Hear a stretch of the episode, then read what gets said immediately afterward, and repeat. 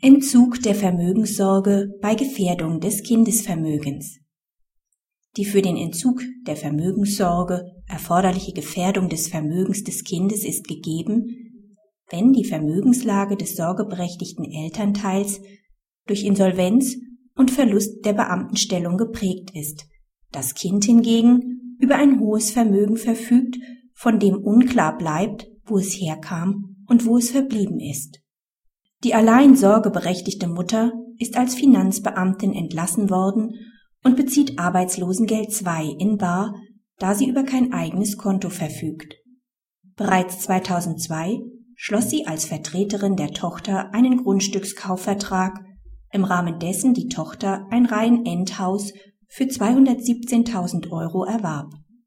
Gleichzeitig versprach sie der Tochter, ihr das Geld für den Erwerb zu schenken, wofür die Tochter ihr ein lebenslanges Wohnrecht bestellte.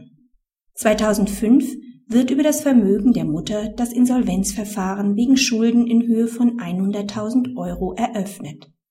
Der Treuhänder ficht die Schenkung an, wodurch die Tochter zur Zahlung des Kaufpreises verurteilt wird. Im Zuge der Erstellung des Vermögensverzeichnisses der Mutter werden zahlreiche Konten bekannt, die auf den Namen der Tochter lauten und Guthaben von bis zu 1,5 Millionen Euro ausweisen.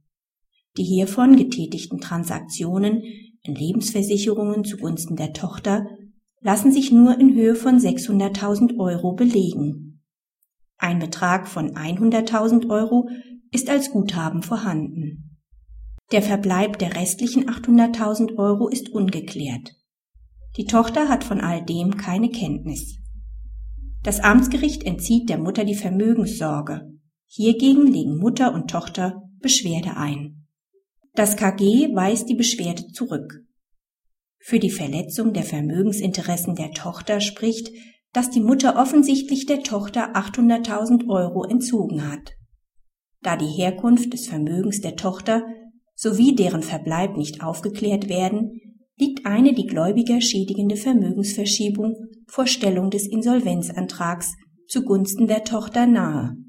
Dadurch wird die Tochter in die Klageverfahren der Gläubiger ihrer Mutter hineingezogen. Zudem ist der Tochter durch den getätigten Grundstückskauf und die Anfechtung der Schenkung ein erheblicher Schaden entstanden.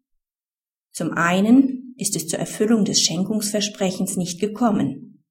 Durch die Anfechtung der Schenkung muss die Tochter den Kaufpreis ein weiteres Mal zahlen, da die Mutter den Sachverhalt weder dem Treuhänder noch dem Ergänzungspfleger offengelegt hat. Eine sinnvolle Verwertung des Grundstücks ist wegen des eingeräumten Wohnrechts für die Mutter auch nicht möglich.